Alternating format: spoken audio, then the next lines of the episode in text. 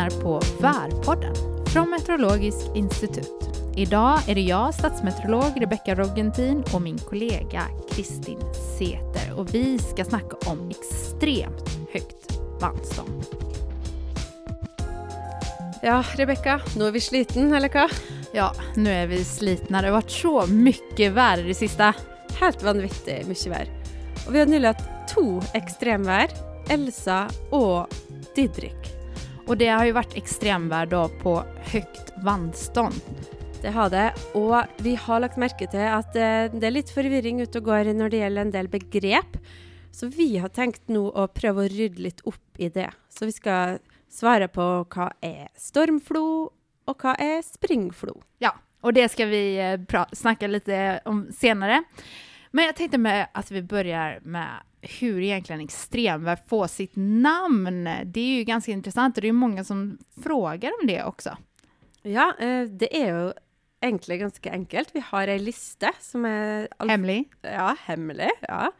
Eh, og den er alfabetisk. Så har vi annethvert eh, guttenavn og jentenavn. Og så unngår vi da sånn som kongelige navn og, Och kändisar. Ja, veldig kjente personer prøver vi å unngå å bruke navnet til, da. Och sen ska inte namnet innehålla bokstäver som ä och ö. Och... Nei, for Og det, ja, det Mm. skal jo kunne gjenbrukes da internasjonalt, for vi samarbeider jo med nabolandene da, hvis at vi f.eks.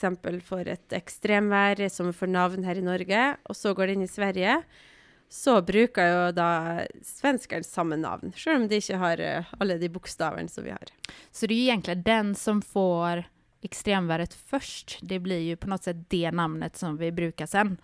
Men sen så är det ju ofta att eh, Norge ändå döper ett extremvär på grund av att värd kommer ju dit först. Medan Sverige kanske inte får döpa extremvär lika ofta som här i Norge då.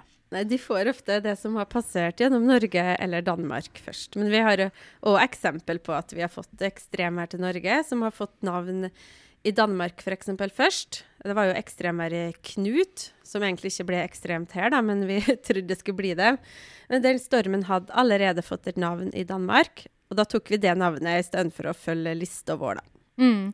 Och de eh, extremvärden som vi snackar om här i år då, som vi har haft på högt vandstånd, det var ju Didrik och Elsa, så då har man ju det att Didrik på D, eh, ett guttenamn, och sen så är det Elsa då på E som blir ett gentenamn. Og da blir neste et guttenavn på F. F. Yes. Så det får vi se vad det blir. Men jag tänkte att vi ska gå vidare här lite och snacka om vad det är egentligen som gör att vi får ett extremt högt vandstånd. För det är egentligen två saker som måste stämma för att vi ska få det. Och det är ju stormflo och sen så är det också att vi ska ha springflo samtidigt. Och vad innebär det? Det är inte alla som... Det kan vara lite, lite förvirring kring de här äh, namnen. Ja, vi ser jo i media sånn at de begrepene blir brukt om hverandre og sånn. Eh, eh, så vi skal kanskje ta en liten eh, turbogjennomgang på det. Skal, Ja. vi, skal vi starte med springflo? Ja, det förklarade du ju väldigt bra när vi snackade om det här tidigare idag. Det, ja, springflo det er jo eh, rett og slett det som eh, skyldes bidrag fra sol og måne. Mm. For de fleste vet jo at eh, tidevannet rundt om på jorda, det er avhengig av månen. Det er rett og slett månen som dreper vannet.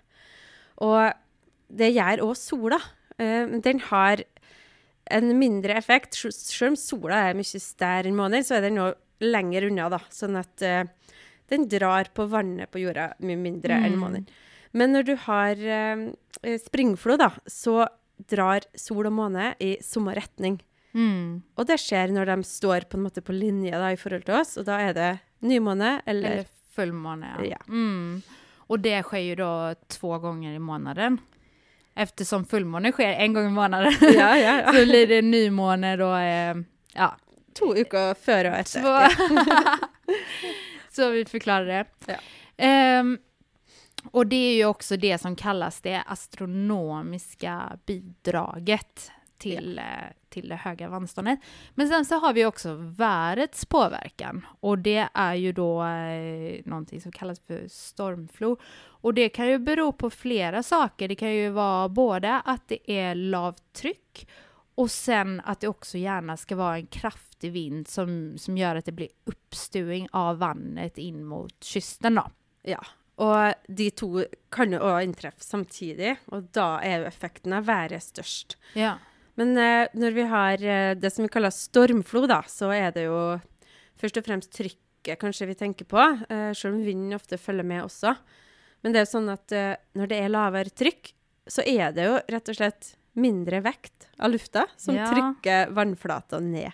Så den stiger. Ja, Mm. Så lavt trykk gjør at havnivået stiger. Og da har vi en tommelfingerregel som sier at 1 hektopascal lavere trykk gir 1 centimeter høyere vannstand. Ja. Eh, men eh, om vi går vidare då på det, eh, på det extremväret som vi hade senast, som var Elsa. Det hade extremt högt vandstånd. Och där var det då en långvarig eh, sydvästlig vind som gick rakt in mot den norska kysten. Och samtidigt, eller några dagar tidigare, det extremt höga vandståndet, så hade vi då fullmåne. Så extremväret var den 10 till 11 februari, men fullmånen var då 9 februari. Mm. Og det er jo faktisk et par dager etter fullmåne eller nymåne at eh, det astronomiske bidraget er størst. Det er litt forsinkelser ute og går der, altså. Ja, och i den här perioden hade vi också extremt lavt tryck. Så som på Sklinna fyr så hade vi till exempel 943,1 hektopascal. Och jag kan ju förstå att alla kanske inte hänger med riktigt vad ett typiskt sånt tryck är på lav, lavtryck, men det här är extremt, extremt lavt. Ja, det er jo rekordlavt trykk. Det var vel 28 stasjoner som eh, satte rekord for lavt trykk, eh, samtidig som vi hadde den her eh, høye vannstanden i forbindelse med Else. Så det er klart at når trykket er så lavt, så har det en stor effekt på vannstand. Mm. Och, det, och vi fick ju också rekord på högt vandstånd eh, på målestationen Målöj på 287 centimeter. Så det är ju extremt högt vandstånd. Alltså. Det er jo det, og Bergen var òg veldig nært å komme opp til Det var bare én centimeter unna å tangere den forrige rekorden, da, på Hva var det? 240 centimeter da, i 1990. Ja, Ja, og det var jo heller ikke så lenge siden forrige ekstreme høye vannstand. Det var jo ekstremværet Didrik som vi hadde i januar. Så vi har jo hatt eh, en periode nå med generelt høy vannstand, da.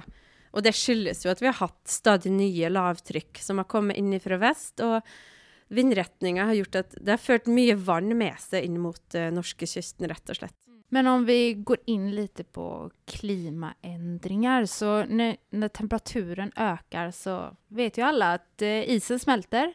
Men det är också så att när temperaturen ökar i havet så utvidgar havet sig också. Ja, Så i framtiden så kommer ju havnivån att, att stiga. Eh, nu kommer ju inte den stiga lika mycket i Norge på grund av att vi också har eh, att land stiger i Norge. Så det kommer ju, havnivån kommer ju stiga mer på andra platser i världen än för oss då. Så vi har, ju- på så sätt så har vi ganska tur.